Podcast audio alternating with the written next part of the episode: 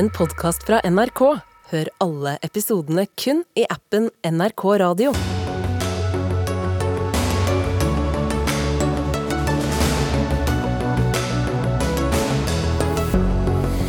Russland er den største etterretningstrusselen mot Norge i år. Ny trusselvurdering lagt frem i dag. Det er ikke for dyrt med mat i Norge, fastslår NHO-ledelsen. En uttalelse som får kritikerne til å se rødt. Märtha Louises uttalelser om at norsk, om norsk presse kan svekke både kongehuset og demokratiet, sier generalsekretæren i Redaktørforeningen. På tide at pressen lytter til Märtha, sier psykologspesialist. Og kan uttrykket 'dead as a dodo' dø ut? Iallfall håper amerikanske forskere på å kunne gjenskape drontefuglen som har vært utdødd i hundrevis av år. Begeistringen er delt. Dette er noen av sakene i ukens første Dagsnytt 18. Jeg heter Espen Aas. Og det skal uh, først handle om sikkerhet, for forholdet mellom Norge og Russland er den største etterretningstrusselen mot Norge i 2023, og forholdet mellom de to landene vil trolig ytterligere bli forverret. Det var blant uh, momentene som kom frem da sikkerhetstjenesten, i form av Politiets sikkerhetstjeneste, PST, Nasjonal sikkerhetsmyndighet, NSM og Etterretningstjenesten la frem årets trusselvurdering. Vi har representanter for alle tre her i studio. Jeg begynner med deg, Lars Nordrum, assisterende sjef i Etterretningstjenesten. Konkret, hvordan legger dere merke til russisk tilstedeværelse i Norge? Det er storkrig i Europa, og det er et tidsskille i, i europeisk sikkerhet. Og, og, det er klart eh, Russland er i konfrontasjon med Vesten og Nato, og, og dermed også Norge. Og det, det gjør at de har behov for å innhente mer informasjon på fordekt vis når eh, de vanlige diplomatiske kanalene og det vanlige samkvemmet med Russland eh, blir borte. Mm. Og, og, hvordan merker dere det i Etterretningstjenesten? Vi, eh, vi, følger jo eh, russisk aktivitet svært nøye. Eh, det vi ser er jo at Russland har en interesse av å isolere konflikten til Ukraina. De, det går ikke spesielt bra med russisk krigføring. Og de ønsker ikke å spre den konflikten. Og vi har sett veldig avmålte reaksjoner militært sett i, i våre nærområder. Og vi håper selvsagt at det, det skal fortsette sånn. Mm. Men igjen, det samme spørsmål. Altså på hvilken måte merker man at uh, russisk etterretning er mer til stede sett med norske øyne? Ja, Når det gjelder russisk etterretningstilstedeværelse i Norge, så skal jeg la min kollega svare på det senere. Men vi vet at Russland har behov for å skaffe til veie teknologi og annet som nå er sanksjonert. Og det er naturlig at de da bruker etterretningsvirkemidler og andre virkemidler for å få tilgang på den type teknologi. En form for spionasje? Absolutt. Mm. Du sa også på pressekonferansen eh, at Russland utfordrer vår makt til å tenke forsvar på. Hva mente du med det? Ja, Hvis man snakker om russisk militærdoktrine generelt, så ser vi at den, eh, den bygger på en, en, tanke om et tidlig forkjøpsangrep i en konflikt. At man tidlig skal angripe eh, kritisk infrastruktur, kritisk sivil infrastruktur, sågar beslutningstakere og, og det som ligger langt, ganske langt unna en eventuell frontlinje. Så det er klart, det øh, er en ny måte å tenke forsvar på. Øh, vil kreve det. Og, og reaksjonstidene, altså varslingstiden, vil også gå betydelig ned. Mm. Og Dette har du også vært innom i dag, Sofie Nystrøm, eh, direktør for Nasjonal sikkerhetsmyndighet. Eh, norske bedrifter må bli flinkere til å prioritere sikkerhet, sa du. På hvilken måte? Den økte uforutsigbarheten som Nordrum her beskriver, gjør at vi må tenke bredt på virkemidlene som blir brukt mot oss, enten om det er cyberangrep eller strategisk oppkjøp og eiendom. Innsidetematikk, personellsikkerhet. Ehm, her kommer man til å bruke virkemidler mot Norge som verken er dyp fredstid eller en krigssituasjon, men, men gråsonene midt imellom. Og det vil presse våre verdier, våre funksjoner, og, og gjøre at vi må ha høyere gard rett og slett, og høyere sikkerhet og beredskap for å møte den utfordringen. Vi står i et tidsskille, sier Etterretningstjenesten. Og det må vi kontre med, med økt sikkerhet på, på, flere flanker, og påvirkningsoperasjoner bl.a. Vi har sett dette mot nettsider i Norge i 2022. Vi må forvente at denne type desinformasjon og påvirkning bl.a. kommer til å øke i tiden som kommer. Mm.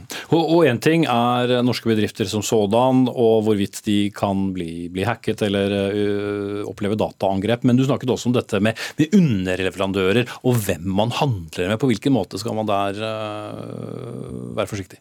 Vi ser at De største virksomhetene i Norge de er gode på sikkerhet. De har eh, veldig mye kunnskap og ressurser på dette, men, mens trusselaktørene går mot underleverandører og deres underleverandører igjen. Og Når en underleverandør da blir kjøpt opp, enten av Kina, Russland eller de andre landene som PST og Etterretningstjenesten eh, benevner, så, så kan det være en, en, indirekte trussel som faktisk ikke bedriften er klar over fullt og helt. Eh, så verdikjedene her, kompleksiteten øker.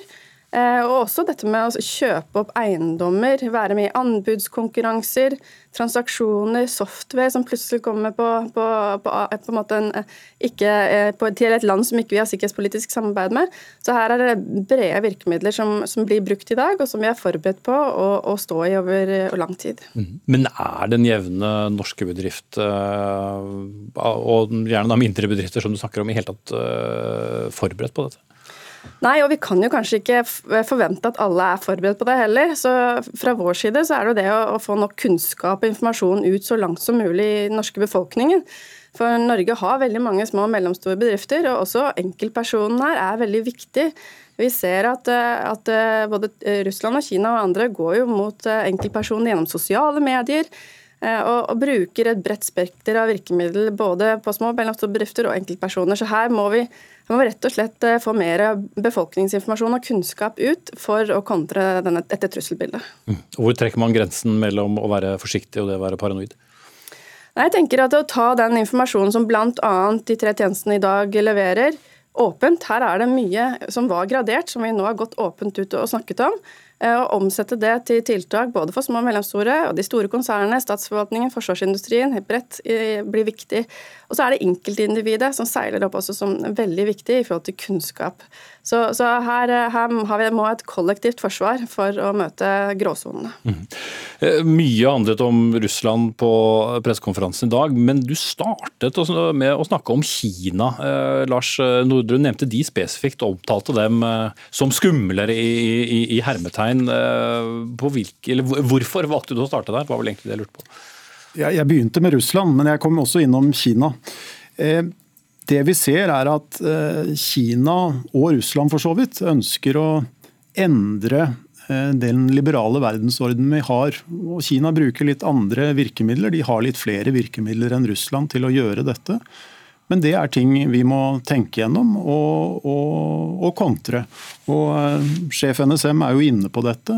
altså Avveiningen mellom uh, risikoen det er å ta autoritære stater inn i våre verdikjeder, og det å, å, sikre dem med, med, eget nasjonalt eierskap er bl.a. en sånn ting man må se nøyere på. Mm. Vi har altså hatt eh, en russisk invasjon i Ukraina i snart eh, ett år. Men det generelle sikkerhets... eller trusselnivået, unnskyld, er der det var likevel. Eh, altså regnes som moderat? Hvis du snakker om trusselen eh, fra, fra, Russland i nord, så ser vi jo at eh, altså Russland er svært militært, altså konvensjonelt svekket. De har tapt 100 eh, 000 soldater i Ukraina. Drepte og sårede. Det er bare en brøkdel av de styrkene som normalt er på Kolaløya på, på landsiden, som, som, er der i dag. Så de er konvensjonelt svekket. Og vi ser jo da at de, de lener seg tyngre på sine atomvåpen og sine strategiske styrker. Eh, men som jeg var inne på innledningsvis, eh, russiske reaksjoner i våre nærområder er foreløpig svært avmålte. Mm.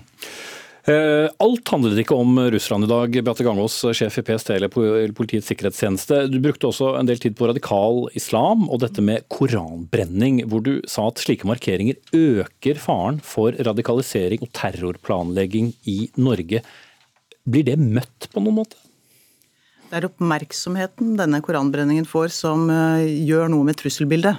Og det vi sier at når uh, personer reagerer på dette uh, på en måte som gjør at de blir mer radikalisert og i ytterste konsekvens eh, blir villige til å utføre et terrorangrep, så påvirker det trusselbildet. Mm. Hva skal da til for at slike arrangementer eventuelt blir stanset? Ja, det er jo en, Dette er en oppgave for politiet. Og politiet mottar tusenvis av meldinger om arrangementer hvert år. Og Det politiet må gjøre, er jo å vurdere om de kan gjennomføre dette på en sikker måte. Både for de som skal demonstrere, markere noe, de som er mot demonstranter, og for tredjepersoner. PST sin rolle er å gi beslutningsstøtte. Det er å beskrive trusselbildet. Som kan være en del av, de, eh, av den det politiet legger vekt på når de vurderer om dette kan gå trygt for seg. Mm. Så PST sin rolle er ikke å ta stilling til om et arrangement skal gå eller ikke, det er å beskrive trusselbildet så presist som mulig. Mm. Men kan ikke det også henge sammen i den forstand at eh, en koranbrenning, eh, et arrangement av den typen også, eh, kan utgjøre en sikkerhetstrussel alene? Ja, vi, må, vi er nødt til å beskrive eh, trusselbildet slik som det er. Eh, enten man liker det eller ikke. Vi kan ikke bli påvirka til å beskrive det på noen annen måte enn det vi mener er den faktiske vurderingen. Eh, og Den må inngå i et totalbilde når de vurderer eh, hvorvidt et, et spesielt arrangement skal eh, stanses. Men koranbrenning som sådan er en del av ytringsfriheten, har man definert i Norge. Så det vil jeg jo se som veldig sannsynlig at kommer til å skje igjen. Og da må det tas helt konkrete vurderinger. Mm. Vil du si at det å stanse et slikt arrangement også i, i, et litt større perspektiv kan bli sett på som å, å bøye seg da for en, en, trussel fra radikal islam? Jeg tenker at Uansett hva vi gjør, så skal det være faktabasert, kunnskapsbasert. Og, og det ville også vært veldig rart å, å foreta en beslutning som man mente ikke var eh, sikker, eh, fordi man var redd for å bli mistenkt for at det var en påvirkning. Så jeg er opptatt av det skal være objektive, faglig gode vurderinger som legger til grunn. Det skal vi fortsette med. og det skulle ta seg ut om eh, vi ikke kom med en konkret beskrivelse av vår oppfatning av trusselbildet fordi man var engstelig for hvilke reaksjoner det ville bringe, eller at noen ikke likte det. Mm. Hvis vi da ser eh, det siste året under ett, så har vi da altså hatt et tilsynelatende i hvert fall, islamistisk angrep i, i, hovedstaden, som da skjedde i, i sommer. Hva har det ført til av konsekvenser for PSTs arbeid i å jobbe mot radikale miljøer? Altså PST jobber jo intenst eh, mot dette hele tiden. Eh, og man klarer å forebygge eh, terrorhandlinger. Vi klarer å få et visst bilde av hvilke personer det er som har både vilje og evne, eller intensjon og kapasitet, som vi sier, til å begå et terrorangrep. Men det er et pågående, fortløpende arbeid som vi tar på det største alvor. Men større alvor enn det ble gjort før Oslo-skytingen i fjor? Det har hele tiden blitt tatt på det største alvor. og dette Eh, islamistisk, eh, ekstrem islamistisk terror har stått på agendaen over tid. Mm. Skal runde av nå, men vil, eh, vi skal senere i sendingen snakke om disse ballongene som har vært skutt ned på grensen mellom Canada og USA. Lars Nordrun, du fikk også spørsmål om det på pressekonferansen i dag. Hva kan du si til nordmenn når det gjelder disse ballongene, og hvorvidt dette er noe man skal følge noe mer med på også for egen del? For det er mange slike ballonger også i norsk luftrom? Det stemmer. Ballonger i norsk luftrom det det, forekommer hver eneste dag og er eh, en del av normalbildet. Eh, værballonger og annet sendes opp eh, hver dag. Og Dette er jo først og fremst et flysikkerhetsproblem og noe som andre myndigheter håndterer. Når det gjelder den ballongen som det har vært mye om i media, som ble skutt ned over USAs østkyst, så er det en mye større ballong og en ballong av en helt annen karakter. Og Jeg kjenner ikke den saken konkret, men denne type ballonger kan jo også brukes som etterretningsplattformer. Man kan koble ulike sensorer på en sånn ballong for å følge med på det som, som skjer på bakken. Og En av fordelene med en sånn ballong eh, kontra en satellitt, er at en sånn ballong kan henge over eh, et område over mye lengre tid. Mm. Men fra et etterretningsståsted, eh, hvis man frykter en slik ballong, er det da lettere å håndtere enn f.eks. en satellitt som befinner seg et annet sted? Det tror jeg ikke er den rette til å svare på. Okay. Eh, jeg tror også Luftforsvaret har, har, mye overvåkning av norsk luftrom og, og, også kan bidra til å svare på, på de spørsmålene. Mm. Mer om dette senere. Takk til Lars Nordrum, assisterende sjef i Etterretningstjenesten, Sofie Nystrøm, direktør ved Nasjonal sikkerhetsmyndighet og, og sjef i Politiets sikkerhetstjeneste, Beate Gangås.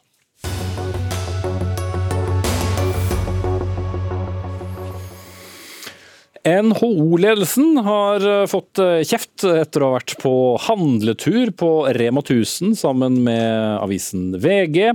Underveis mellom varereolene slo nemlig eh, NHO-direktør Ole Erik Almrid fast at det ikke er for dyrt med mat i Norge, og at det er bra at bedriftene tjener penger og er lønnsomme. Og en av dem som har sett rødt etter dette oppslaget, er deg, Mimmi Kristiansson, stortingsrepresentant fra Rødt. Eh, du kalte disse uttalelsene for virkelighetsfjerne da vi snakket med deg før sending. Eh, hvordan er de det? Altså Realiteten i Norge i dag, eller rettere sagt realiteten allerede i august i fjor høst, var at ifølge Statens institutt for forbruksforskning, SIFO, så er det 200 000 husstander i Norge, 11% som ikke har råd til alle måltider. Så De enten gå og tigge mat, eh, eller de må hoppe over måltider. Så Det er altså 200 000 husstander. Og så skal altså en NHO-direktør med 4 millioner kroner i årslønn, altså det er godt over det dobbelte av hva statsministeren tjener, ta med seg Norges største avis, gå gjennom varereolene på Rema 1000, fortell at han gleder seg til å slå seg løs med sjokoladepudding eh, i helga fordi han skal være alene på hytta, og si at han ikke syns maten er for dyr, profittmarginene i den lønnsomme dagligvarebransjen er ikke for høye. Alt det i grunnen sårer vel. Og Mine assosiasjoner det går jo til de ordene som veldig ofte blir forbundet med den franske dronningen Marie Antoinette, selv om det er tvilsomt om hun egentlig sa det. da. Hun ba jo folk spise kake når de ikke hadde råd til brød, og i dag har Ole Erik Almli fortalt folk at de kan spise sjokoladepudding når de egentlig ikke har råd til å spise seg mette hver dag. Almlid selv hadde ikke mulighet til å delta i sendingen, men eh, du vant billetten, Anne Cecilie Kaltenborn, administrerende direktør i NHO Service eh, og Handel. Eh, og blant annet da nevnte Reitan-gruppen er jo da medlem hos dere. Er det for dyrt med mat i Norge? Altså Det inntrykket som blir skapt her, er at det skulle være uforholdsmessig dyrt med mat eh, i Norge, og det eh, er det ikke. Eh, det har vi gode tall på.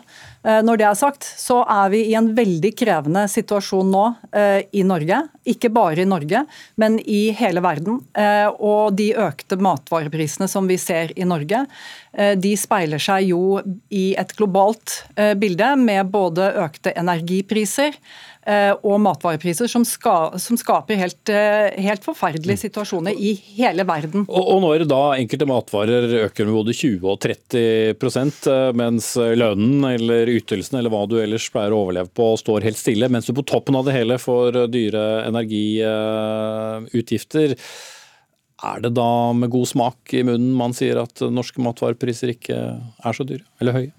Jeg tror absolutt at eh, folk nå føler, og det er en reell eh, eh, situasjon, nå er mat dyrt. Nå har vi hatt en økning på 11 eh, i Norge.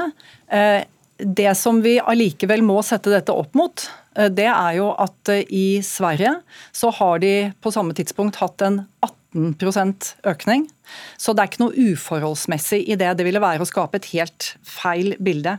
Eh, så er det også sånn at eh, det er lavere marginer, og det er helt eh, riktig. Og jeg vil jo si at Mimir Kristiansen er virkelighetsfjern hvis ikke han aksepterer de faktaene. At, at marginene til kjedene nå er lavere enn tidligere? det er det du mener? At de er lavere enn en tidligere, og at de er lavere enn andre bransjer. Altså, dette her er en lavmarginbransje. Hvis vi tar med grossist, lager og dagligvare, så snakker vi om at i løpet av de siste ti årene så er det en margin på 3% Det er lave marginer, og det må Mimir Kristiansen eh, vi får, bare vi får hente inn akseptere. Den, uh, vi har Vent litt nå, ja. bare hente inn den uh, virkelighetsfjerne rogalendingen. Vær så god. Ja, Det jeg opplever at NHO driver med her, som i mange andre sammenhenger òg for øvrig, er et form for sånn statistisk fiksfakseri. fordi at Det er selvfølgelig mulig å finne de margintallene, det er ingen grunn å benekte akkurat de. Men det finnes jo andre tall òg. F.eks. at de to store aktørene som vi egentlig snakker om her, Reitan-gruppen og Norgesgruppen har økt sine overskudd med 4 milliarder på fem år. Eller at de to alene, to aktører, har et overskudd på 11 milliarder siste år vi har tall for. Og så har vi jo formuene til de som eier disse selskapene, da. Reitan-familien. Hvordan har de blitt rike, vil jeg jo spørre noe om. Gode for 60 et eller annet milliarder ifølge Kapital. Johansson-familien, som er Norgesgruppen, gode for 60 et eller annet milliarder. Hvor kommer disse 120 milliardene fra. Hvis det er så lave profittmarginer. Og jeg ville vært provosert hvis jeg var NHO-medlem og drev en vanlig bedrift som sliter med å få gå rundt, når jeg får høre at sjefen i NHO skal påstå at profittmarginen er lavere i Reitan-gruppen eller Norgesgruppen, der de håver inn milliarder hvert år pga. et eller annet regnestykke enn det er for de som driver kiosk på hjørnet. Ok, Kaltenborg. Ja, altså jeg, jeg synes jo at Når man snakker om statistisk fiksfakseri, sitat slutt, så har du vel allerede lagt for dagen hvordan du forholder deg til fakta. Dette her er tall som det er naturlig å se hen til. Det som også er, er, det som også er eh, veldig viktig å legge merke til, Mimir Kristiansen, det er jo at uh, vi skal ikke bare snakke om de årene hvor prisene har gått opp, hvilket de selvfølgelig har gjort i den situasjonen vi har med eh, inflasjon globalt sett, slik som vi har i dag. Vi skal også huske at i et annet ekstraordinært år, nemlig under koronaen, så satte disse samme dagligvarebransjene, eh, dagligvarebedriftene, ned sine priser med 2% Så det er dugnad fra dagligvarebransjens side her? Det er på ingen måte dugnad. Dette her er solide bedrifter. Og når man lurer på hvordan det blir store overskudd, så er det klart at når du omsetter for 200 milliarder kroner i året. Altså en tredjedel av hver krone vi bruker på handel i Norge, de legger vi igjen hos en dagligvareaktør. Ja, Da er det åpenbart at det blir overskudd av det. Og da trenger du ikke så store marginer heller. Og det er det som er kjennetegnet ved denne bransjen. Det er at det er lave marginer, men det er veldig store volum. Og, og, og, da Kristiansson, er det vel riktigere da å, å se på prosenter enn å se på enkeltbeløp, eller? Spørs jo hva man skal med det, da. For uh, her er jo egentlig meg og Kaltenborn helt enige om virkeligheten. ok, Marginene er lave, men volumene er så høye at overskuddene blir enorme og gigantiske likevel. Og Da vil jo jeg da si at uh, disse familiene, disse store selskapene her, de kan betale mer i skatt. Og da blir det noen milliarder av det. Ganske mye penger, faktisk, hvis du f.eks. ønsker å øke minstetrygdene i Norge.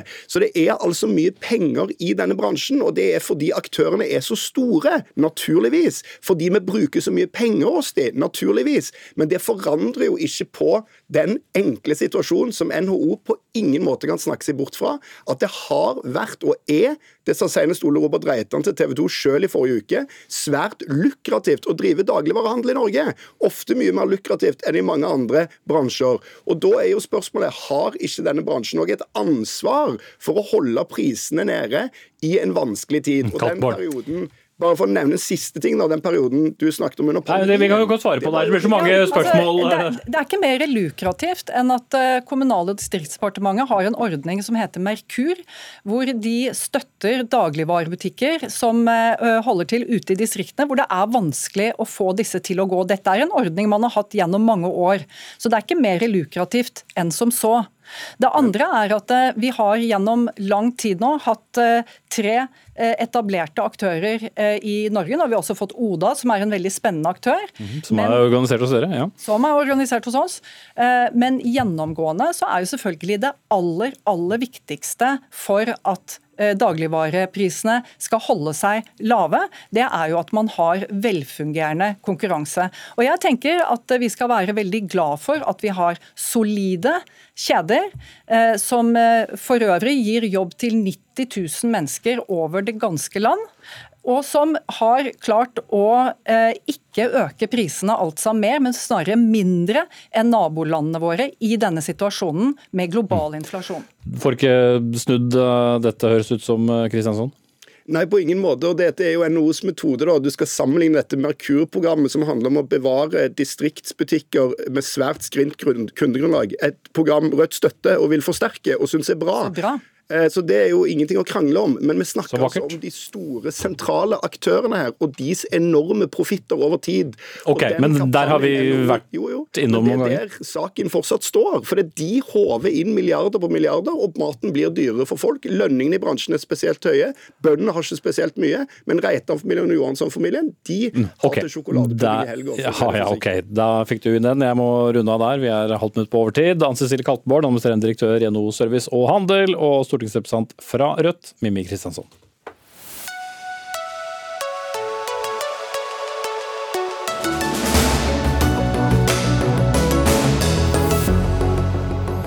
Mange har sikkert eh, sett eh, bildene av tre barn som i løpet av dagen har blitt reddet ut eh, fra ruinene etter jordskjelvet i Tyrkia og Syria.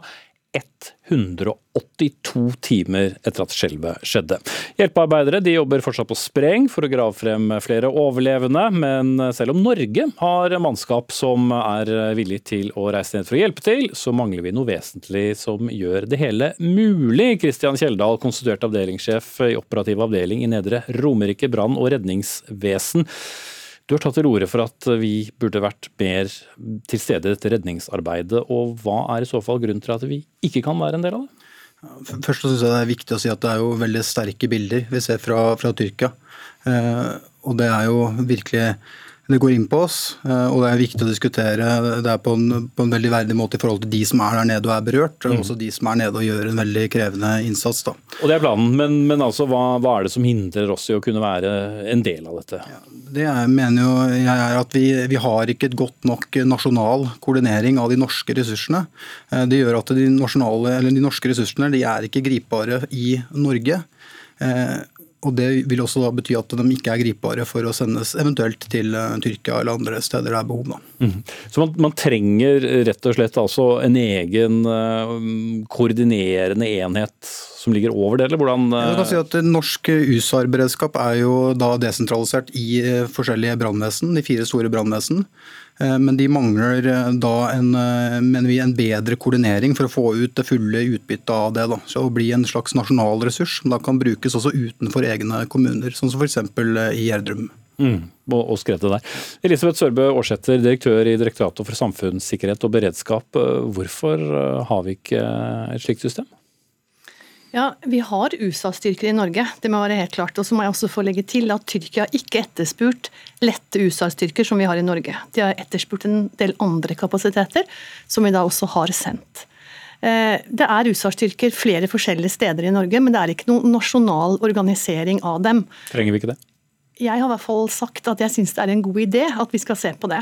Men eh, nå er det sånn at det er satt sammen en gruppe veldig gode folk akkurat på dette her. Og andre ressurser også som man har og ikke har i Brann-Norge. Og de skal da levere sin rapport om framtidens brannvesen i juni til regjeringen. Mm. Så du er enig i at det er en utfordring med at du har da, som, eh, som ble påpekt eh, her fra Kjeldal, fire enheter, men som da opererer uavhengig av hverandre? Altså jeg er enig i at man bør se på organisering for om dette kan utnyttes enda bedre. for det har vi gjort på andre deler av beredskapsressursene våre. F.eks. når det gjelder skogbrann. Der er det sånn at Hvis det brenner mye i en del av Norge, så kan vi si i DSB at nå skal innsatsen settes inn der. Slik at ikke det er opp til den enkelte kommunen å bestemme dette alene. Mm. Men det støter jo også mot bl.a. lokaldemokrati og lokale ressursprioriteringer. Ja, Det var egentlig mitt neste spørsmål her, Kjeldal. Hvordan skal eh, dette stilles opp mot hverandre? Jeg tror jo Elisabeth er inne på noe når du bruker skogbrannhelikoptre som et eksempel. Da. for I Norge så finnes det mye verktøy, skogbrannhelikopter, slukkeroboter, USAR-kapasitet, eh, som er spesialisert. Eh, og det å ha gode ressurser og koordineringer som kan da sende disse ressursene der hvor det trengs, der tror jeg det er et potensial.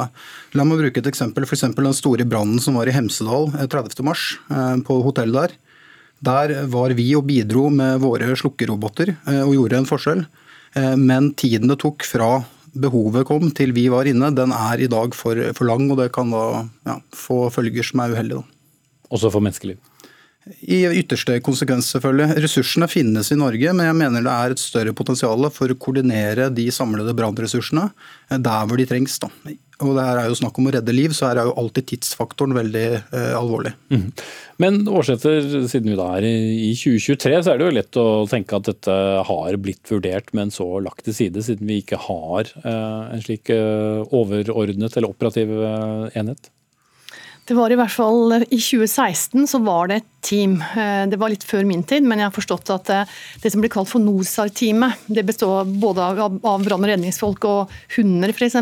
Da bestemte man at det ikke skulle fortsette i den formen. Så hva som har skjedd i mellomtiden kan man sikkert eh, snakke mye om, men i hvert fall så er det en idé at det skal ses på på nytt nå. Men Akkurat hvordan det blir, det kan jeg ikke helt svare på. Men jeg vil også si programleder, at det er jo ikke sånn at man må vente på staten. Man kan jo organisere seg, de som har USA-styrker i dag, eh, sammen med de som ikke har, eh, og få til noe sammen. Det er helt mulig. Men det er kanskje utfordring med det? Ja, altså Det er på en måte litt av utfordringen her. Vi, når eh, den forferdelige skjedde i Tyrkia, så satte vi en, en stab for å se på litt hvilket handlingsrom har vi her. Og akkurat sånn som det er nå, så er jo norsk USAR-miljø også organisert på Facebook, i en Facebook-gruppe. Uh, og Det tenker jeg ikke er riktig organisering for en såpass god kapasitet. Her må vi få på plass systemer som ivaretar det bedre enn en gruppe på Facebook. Mm -hmm. Ja, eh, det høres jo litt eh, for tilfeldig ut om man skal eh, Det er jo ikke gitt at det får riktig prioritet hvis det skal være litt sånn opp til den enkelte. og Nei, For å bruke uttrykket 'brenner det, så brenner det'. Det er vel talt fra eksperten her. Altså, eh, hvis norske myndigheter sentralt eller regionalt skal ha noe mer enn i dag, så kan vi nok ikke, ikke bruke Facebook som, en, som en, en, faktor i organisering, men at man har kontakt der, det må jo være veldig bra. Men igjen, altså, USAR til Tyrkia og USAR i Norge, det er to ulike ting i hvert fall sett fra et myndighetsperspektiv. Mm. Men i den stillingen du har da i Direktoratet for sikkerhet og beredskap, så ser du at det er eh, et potensial, som man gjerne sier på ja, Jeg syns det er en god idé at denne gruppen eh, ser på dette på nytt. Og vi, vi, deler ambisjonene for at vi skal kunne bruke brann- og redningsressursene, som tross alt er til stede i hele Norge, i alle kommuner, eh, bedre og enda bedre enn i dag. Mm. Du kan få siste ordet, Kjeldal. Hva, hva, slags tidsperspektiv eh, bør vi se for oss her? Jeg mener jo at det finnes jo kapasiteten, utstyret, kompetansen. Den finnes i Kommune-Norge. Så her handler det om å få på plass koordinerende ressurser på det. Og jeg er jo offensiv, så jeg tenker at dette bør vi få til innenfor i hvert fall én til to år. -hmm. Vi får se om eh, det blir slik. Kristian Kjeldal, konstituert avdelingssjef operativ avdeling i Nedre Romerike brann- og redningsvern. Og Elisabeth Sørbø Aarsæter, direktør i DSB, eller eh, Direktoratet for samfunnssikkerhet og beredskap.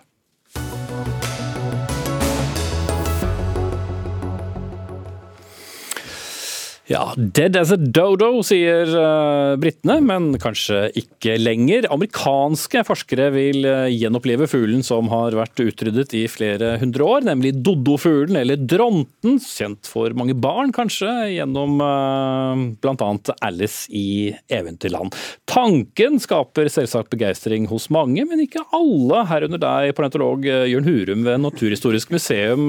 Hvorfor er du kritisk til denne gjenopplivningen?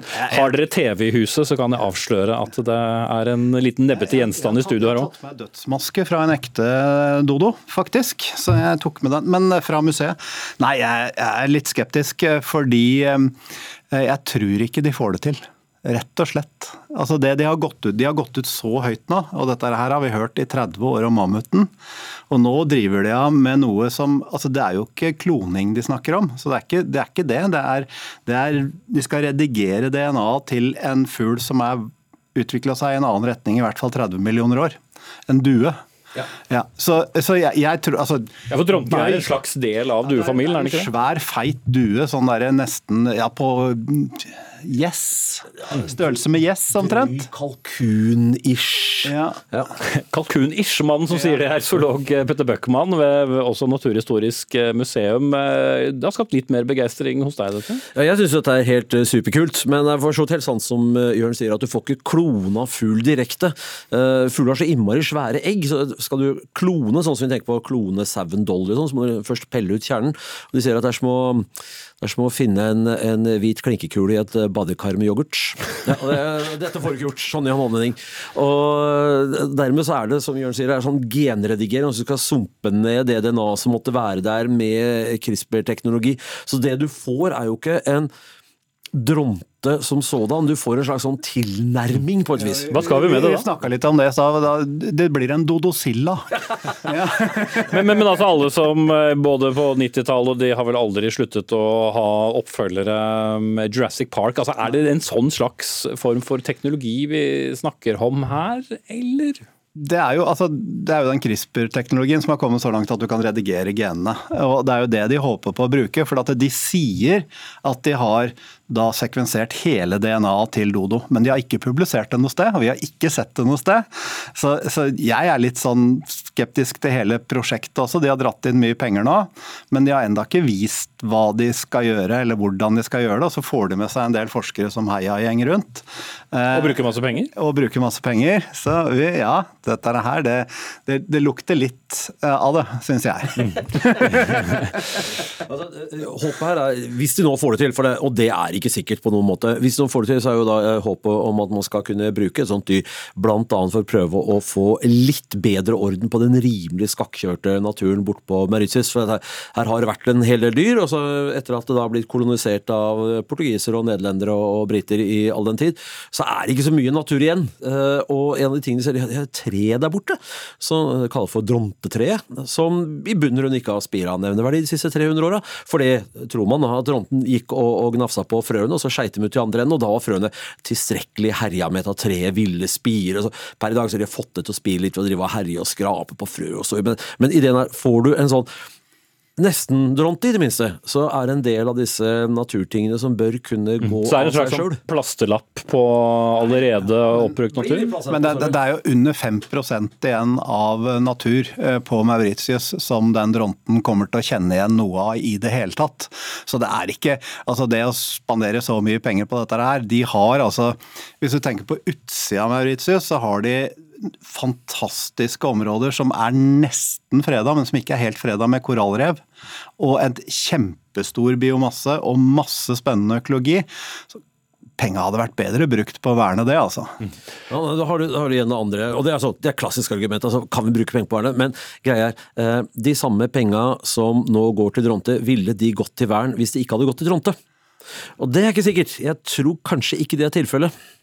Nei, nettopp. Men kan vi bare stanse kort ved den eh, doddofuglen, eller, eller dronten? For den ble jo da utryddet for ganske mange hundre år siden. Midten av 1600-tallet, mener jeg å lese. et. Man vet ikke engang fjærdrakten på den. 1662 har jeg funnet som et tall, eh, da, men røftlig rundt der, ja. Eh, Så den, eh, den ble jo utrydda antageligvis mest av husdyr, for han smakte visst helt forferdelig. Så eh, de, som, de nederlenderne som har beskrevet smaken på han, det var ikke noe godt å spise. Men hadde reir på bakken, sånn at det var et lett bytte, enten man trodde den smakte godt, eller ikke flyvende, ikke sant? Det er en sånn svær, feit klump av en fugl uten, uten å kunne fly med bitte små vinger. Ja, Klumpete føtter og ikke kan klatre. og det er Som fugl betraktet eh, ubrukelig. Så, så det er jo sånn, Har ikke naturen bare gjort sitt selv med hjelp, da, og funnet ut at den er ikke levedyktig? Ja, Det er jo sånn, altså, Når du finner ei øy eh, der du har nok mat, så blir du stor, og, og, og det er ikke noen som spiser deg der heller, så kan du bli stor og du behøver ikke å ha noe forsvar. De var jo så tillitsfulle at de kom jo bort når sjømenn gikk i land på Mauritius, så kom de bort til dem og sto ved siden av dem, og så slo du i hjel den ene, og så sto den andre der og kikka på, og så slo du i hjel den andre. Så de ble ikke redde i det hele tatt, eh, skriver de sjømennene som var der i begynnelsen. Men eh, de slutta jo å spise dem, da. Derav smaken. Men hvis vi går tilbake til utgangspunktet, det å skulle da gjenskape utdødde arter, som mammuten som, som vi har snakket om igjen i mange tiår. Hvis naturen, om enn med hjelp fra mennesket opp igjennom, har eh, funnet ut at eh, denne arten ikke hadde livets rett, er det da riktig å, lage en variant av det? Det er, ikke, det er ikke arten som ikke hadde livets rett i forhold til naturen. Dette er vår feil. Det var vi som utrydda mammuten, det var vi som utrydda neshornet, det var vi som utrydda dronten. Så dette er, ikke, ikke spørsmål om å slåss mot en naturlig prosess. Dette er spørsmål om å rydde litt opp etter all det gærne vi faktisk har foretatt oss gjennom tidene. Ja, ehm, men sånn som mammuten og sånt, nå er vel ikke, det er vel ikke snakk om at det bare er mennesket der. Der var det jo også klimaendringer som tok dem. Eh, Og de, de ble jo mindre og mindre, og faktisk så havna de opp på noen Wranglerøyene til slutt. Og de holdt jo på der til de var ca. 7000 år siden. Eh, Små mammuter. Så, så, så de, de holdt ut der, men så tok klimaendringene dem, ikke sant. Og hvis vi da Jo, det var, det var øyebefolkning. Hvis du ser på, ikke sant, Vi har jo så mange isider her vi har hatt her? 25? 30? Ja. Som har rulla godt. Har vært mammuter hele veien. sånn at eh, Det er ikke det at de ikke overlever en, en slutt på en istid, men de overlevde ikke en slutt på en istid og mennesker på en gang. Det er skaret seg. Vi får se hvor eh, langt eh, de kommer med dette. Det finnes jo i hvert fall da sletter her og der som man kan se På museet her i Oslo også, så har vi dodoer og vi har geirfugler, som da er eh, den norske utrydda fuglen. Som det er jo den norske pingvinen, på en måte, uten å være en pingvin. Geirfugl i Oslofjorden? Ja. Mm. Ok. Jeg hadde en eller annen vits på lur om noe nevete, men jeg lar det være. Petter Bøckmann, zoolog, og Jørn Hurum, parentolog, begge fra eh, Naturhistorisk eh, museum. Takk skal dere ha.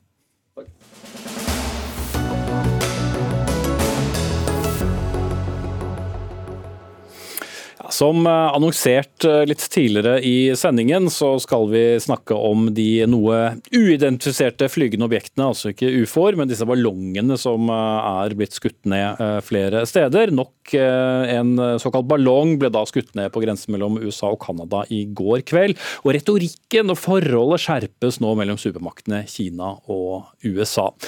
Den eh, siste uken har også kampfly vært veldig oppmerksomhet på rettet, mye oppmerksomhet rundt disse flygende objektene. Og Tom Røseth, hovedlærer i etterretning ved Forsvarets høgskole.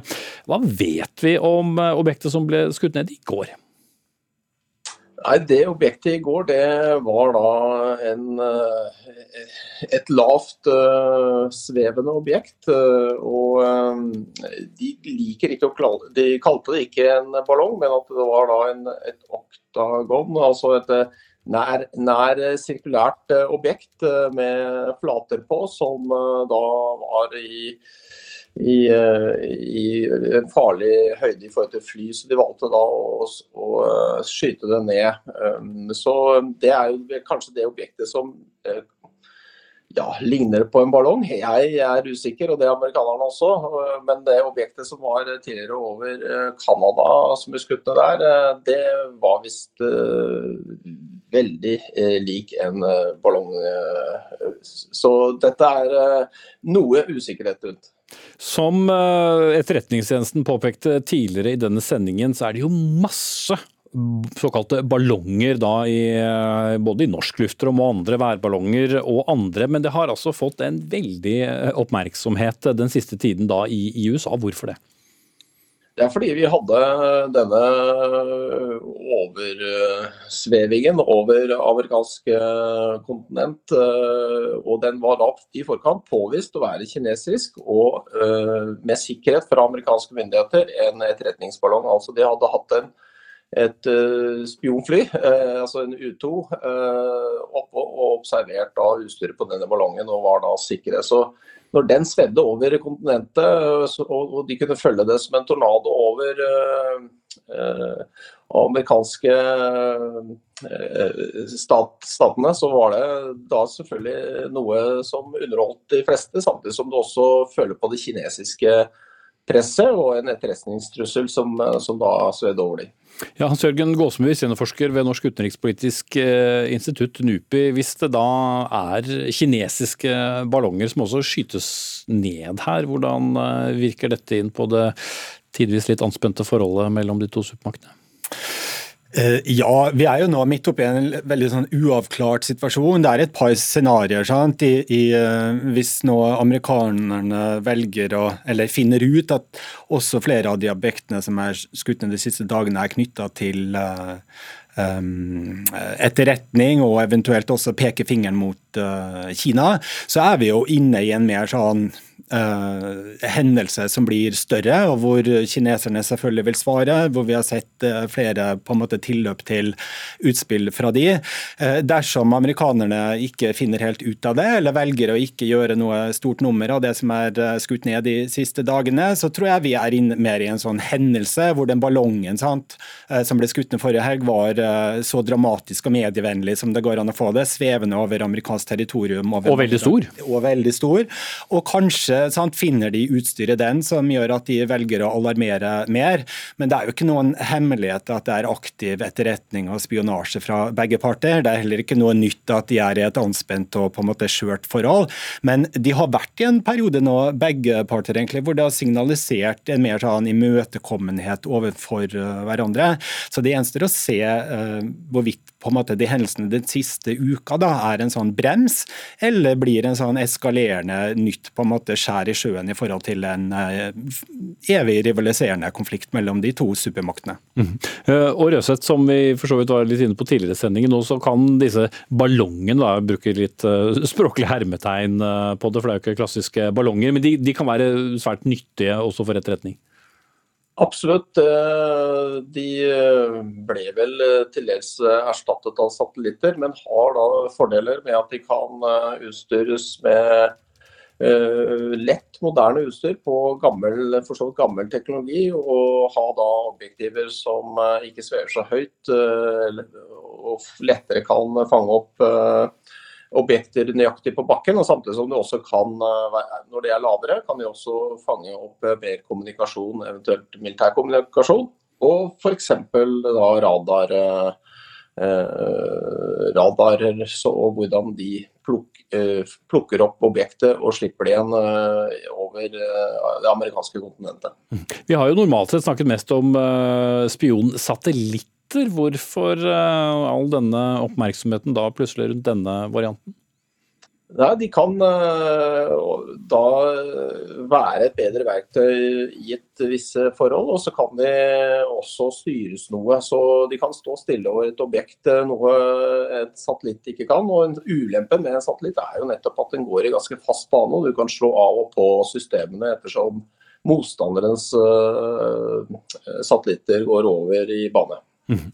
Og Gåsmyr, vi snakket om det, det kommer jo påstander andre veien nå. Kineserne påstår at amerikanerne da sender tilsvarende ballonger igjen i hermetegn eh, i deres eh, luftrom, som blir eh, benektet. Er det en eller annen sånn slags ballongopprustningsaffære vi, vi er vitne til her? Vi er i hvert fall vitne til eh, eh, en en seanse hvor begge parter eh, spiller litt og viser litt kort, og er veldig opptatt av selvfølgelig både å vise evne og vilje til å vise fram kapasitetene de har. De har et nasjonalt publikum, begge to, de skal kommunisere med, ikke minst i USA. og det er klart, Jo mer villige amerikanere er med å rette, indikere, som noen politikere i USA har gjort, eller rette flere pekefingre på en måte mot uh, Kina, jo hardere vil de også komme opp med sine uh, narrativer. Både i forhold til den ballongen som er skutt ned, og hvor de har en ulik selvfølgelig historie knytta til den, men også i forhold til uh, hvor aktive den ene eller andre parten er i, operasjoner mot hverandre. Mm. Men der vi er i ordskiftet nå, er det en, en farlig situasjon vi er i? Vi er i en veldig uavklart situasjon, vil jeg si. Litt sånn informasjonsvakuum. Eh, jeg tror alle venter på hva USA finner, og velger å kommunisere rundt det de finner i det som er skutt ned de siste dagene. Eh, men jeg syns man har vært nøktern fra begge sider i forhold til å, i hvert fall på liksom det øverste ledernivået i begge land, og unngå på en måte hause det opp. Og så er jo det her en usedvanlig stor historie her i Vesten, og ikke minst i USA, med stor dramatikk. Den har ganske liten omtale i Kina. er lite på en måte uh, Inngår ikke i hovedsendinger, er ikke noen stor del av nyhetsbildet. og I den grad det blir presentert, så er det selvfølgelig den offisielle linja fra Kina. Men det kan endre seg sant? hvis det kommer et behov også fra kineserne og komme mer i forsvar eller eh, på en måte mm, svare på anklager de får, da vil du også se sterkere lut fra både kinesiske myndigheter og medier. Takk skal du ha, Hans Jørgen Gåsmyr, seniorforsker ved NUPI, og med oss på linje Tom Røseth, hovedlærer i etterretning ved Forsvarets høgskole.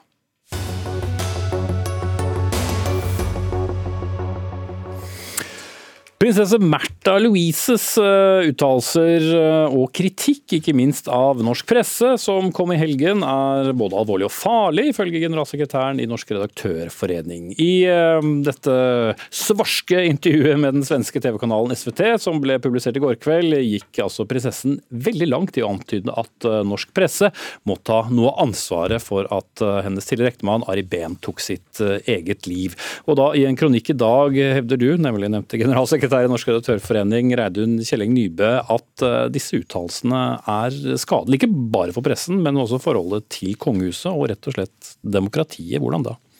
Eh, jo, vi mener at denne retorikken er veldig uheldig og kan være skadelig. Og Det, eh, det prinsessa gjør, er at hun gjør seg til offer, og så, hun, og så, og så gjør hun pressen til hovedfienden sin. Eh, og legger skylda for det meste eh, på, på pressen. Og, og hun, verken hun eller SVT klarte jo å få frem forskjellen på kildene til mediene og mediene i, i den, det intervjuet som, som, ble sendt i helga. Men er det helt unaturlig at prinsesse Märtha Louise etter de siste par årene har et noe anstrengt forhold til hva som skrives om henne, og ikke minst hennes eh, kontroversielle forlovede? Nei, selvfølgelig eh, så er det jo helt fritt for hun, sånn som alle andre, å kritisere pressen. Eh, det må hun få lov til. Problemet her er jo det at den kritikken blir så ekstremt unyansert at det er veldig vanskelig å møte den på en konstruktiv måte. Men det skal vi selvfølgelig prøve å gjøre. Vi, vi, jeg var jo rimelig rysta da jeg så dette intervjuet første gang, men det betyr jo ikke det at at ikke det er masse å lære for pressen i dette. Mm. Men, men konkret men, så gikk det da litt på den skyldfordelingen eh, når det gjaldt hvilken rolle pressen hadde spilt eller ikke i den til ektemannens eh, død, og hvorvidt også det var eh, innrømmet skyld i samme sak. Ja, ikke sant. Det, det, er, det er, mye man kan si om, om den kritikken, men, men, det var hvert fall ikke nyansert. Og da nyheten kom i, i fjor høst om at prinsessa avslutta de offisielle pliktene sine, Eh, så ble det jo eh, påpekt fra kongehusets side at det var viktig å ivareta tillitsforholdet til det norske folk. Og det er jo dette tillitsforholdet som er i fare med den type retorikk som prinsessa bruker. Eh, fordi når du gjør pressen til hovedfienden din og sier at de representerer alt det onde, så bidrar du også til å at, at altså, det, det, kan få en nedkjølende effekt på hele samfunnsdebatten. Og det kan skade eh, tilliten til de redaktørstyrte mediene, og det kan også da skade demokratiet vårt. Mm. Kim Karlsen, psykologspesialist, og skrevet boken 'I medienes søkelys eksponering, stress og mestring'. Du mener likevel at si vi da, i pressen eh, bør lytte til det som blir sagt. Eh, hvordan da? Ja, jeg tror ikke det er lurt at pressen lytter til alt Märtha sier, men, men, jeg tenker at dette er også en mulighet for eh, selvrefleksjon. Eh, for eh, å se på hvordan visse typer medieomtale og fremgangsmåter kan ha effekter for folk. For selv om det er helt åpenbare veldig sånn unike og prinsipielle sider ved akkurat Märtha og hennes kontekst, så er mye av det hun forteller om veldig gjenkjennelig fra de intervjuene vi har gjort da, med mange som har stått i tilsvarende mediestormer. Eh, og, Men hun har jo rukket noen uh, gjennom livet uansett, eh, ja, prinsessen? da. Nettopp. og det er Et av de liksom, første litt sånn overraskende funnene våre det er at selv veldig erfarne folk, medietrente, presumptivt veldig ressurssterke mennesker, de kan oppleve seg overveldet og veldig sterkt preget av kritisk medieomtale, og særlig når den får et personlig fokus. da. Og Det andre er at det nesten er helt sånn typisk at de vil oppleve nesten uavhengig av hva galt de har gjort, at, eh, at, de er, at, det er en sånn form for uforholdsmessighet i omfanget eller ensidigheten eller eh, det som slår inn fra pressen. Mm. Eh, ja, jeg kan forsikre om at norske redaktører er opptatt av dette. Er veldig opptatt av og når man dekker f.eks. har dekt eh, kritikken mot Durek Verrett, så har man vært utrolig opptatt av å ikke legge stein til byrden. Eh, overfor han, overfor Märtha, overfor barna hennes. Det, det, kan jeg si, det vet jeg, fordi en, av, si, en viktig oppgave for meg og mine kolleger er å gi råd til norske redaktører. Dette har vi snakka masse om. Og det er også helt åpenbart interessant interessant å lytte til kritikk fra noen som er født til en rolle i offentligheten, som aldri har valgt det sjøl. Eh, poenget er jo det at Märtha hun ønsker å ta en veldig aktiv rolle, ikke minst kommersielt i offentligheten. Men så ønsker hun ikke å bli stilla kritiske spørsmål rundt det. Hun vil ikke delta i det, den delen av sin rolle, og det må hun i et demokrati. Eh, og nevnte forlovede har det jo med å, å, skape reaksjoner når han opererer litt eh, på egen hånd på sosiale medier osv. Og, og akkurat den biten så vi jo ikke at hun tok så mye inn over seg. Nei, og, eh, og, det er ikke Vi har verken i våre, vår forskning eller i si, min eh, lesning av dette intervjuet noe holdepunkter for å si at dette var riktig eller galt av mediene å gjøre det sånn eller sånn. Eh, det som er viktig, er å unngå en diskusjon der hvor det blir spørsmål om man skal eller ikke skal omtale kongehuset eller stille kritiske spørsmål. Det handler mye mer om hvordan man går frem. Eh, og Det som jeg ofte savner, er jo en, en, en større diskusjon om, om, omfanget, og hva som er et nødvendig omfang og et nødvendig personfokus uh, for å få dekket det man er ute etter å dekke. Da, mm, da tar jeg inn tredjemann. Svein Tore Bergestuen, tidligere journalist, forfatter, kommunikasjonsrådgiver. Hun er jo ikke en del av kongehuset lenger, eller representerer ikke kongehuset. Det har jo far og konge mm. slått fast. Men uh, disse uttalelsene hun kom med i intervjuet, hva, på hvilken måte leser hun rollen sin selv? Eh, ikke så godt. Eh, ikke så godt som broren sin, eh, kronprinsen eller kongen. Det virker, i hvert fall fra mitt ståsted, som de har forstått mye mer hva de er en del av. Eh, og Det er en utfordring hun har. Og så har hun jo ikke vært i samme, helt samme rolle heller. Eh, så hun har liksom ikke blitt tvunget inn i å forstå hvor viktig det er å tolke denne rollen riktig. Og så gjør hun, hun begår jo selvfølgelig, Alle kan se det at noe av det hun sier eh, henger ikke helt på greip. Jeg har stor sympati for den situasjonen hun er i og oppfatter seg selv i og har vært hele livet. Men det er klart det er krevende å offerkommunisere eh, vellykket fra et tilsynelatende ganske privilegert ståsted. Det funker stort sett aldri. Man ser folk i offentligheten som kommuniserer og man ser at dette funker ikke, det er et eller annet som skurrer her, så er det ofte fordi du har en eller annen form for makt. da. Så det gjør litt vondt verre, bare det at du er eh, i en maktposisjon? Ja, for hvis du har makt eller penger eller posisjon, og så begynner du å klage og syte, da skal du ha veldig veldig god grunn til det. Da må vi på en måte dele den oppfatningen du har av dette monsteret hun tegner, da, sånn som pressen. Og det er det noen som har, og det er det Redaktørforeningen er bekymret for. At hun slenger seg litt i den samme divisjonen som alle andre som av en eller annen grunn kritiserer mediene voldsomt og uberettiget. ikke sant? Enten det er konspirasjonsteoretikere eller noen som klager på fake news. og hun, hun stiller seg jo i en, i en liksom farlig tradisjon, og det tror jeg folk reagerer på. Samtidig så tror jeg mange også tenker at vel, mediene er, går kanskje over lik, de har en slags oppfatning av det. Så det er jo ikke sånn at alle mener at det hun gjorde var, var helt på trynet, men det er krevende det hun prøver på. Carlsen. Altså et av de poengene vi gjør i boka vår er at begrepet medieoffer er et dårlig begrep. For uh, Det er ikke sånn at uh, mange av de som opplever å stå i sånne stormer, er ikke ensidig ofre for noen ting. Mm. De kan ofte være proaktive, sånn som politikere f.eks. Men likevel så betyr ikke det at man skal eller kan tåle hva som helst. Og eh, jeg har stor respekt for eh, norsk eh, presse, jeg opplever stor interesse for disse temaene når vi er rundt og snakker med journalister. Men en ting som ofte kan være vanskelig mm. for journalister å liksom eie, det er det faktum at de ikke Altså Det å forstå at man kan ha stor innflytelse og på en måte være i en form for maktsituasjon overfor noen som egentlig er veldig mektige.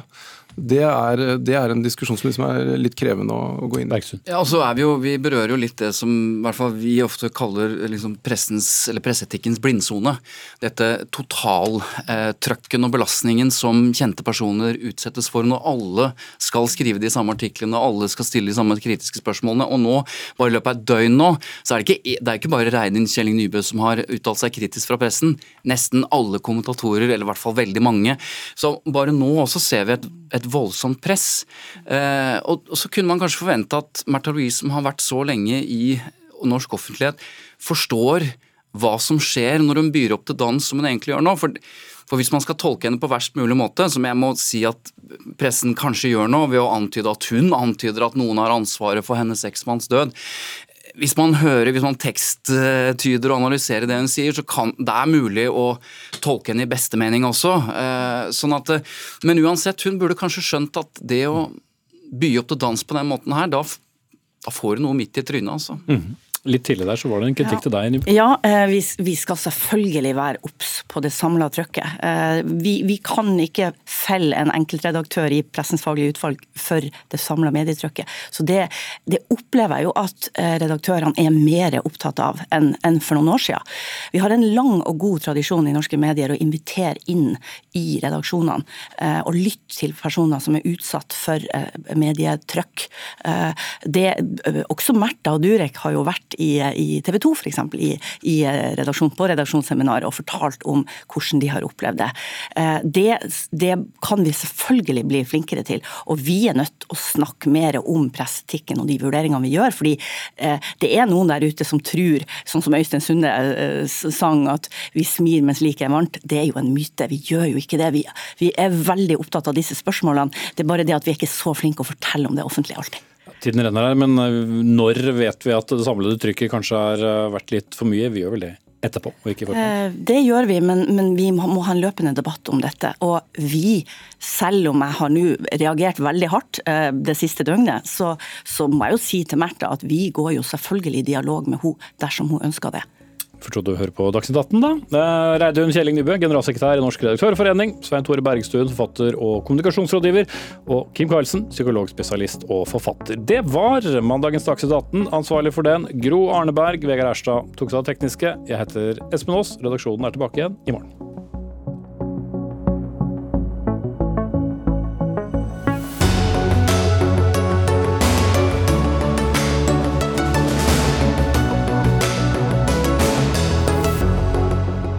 Du har hørt en podkast fra NRK. Hør alle episodene kun i appen NRK Radio.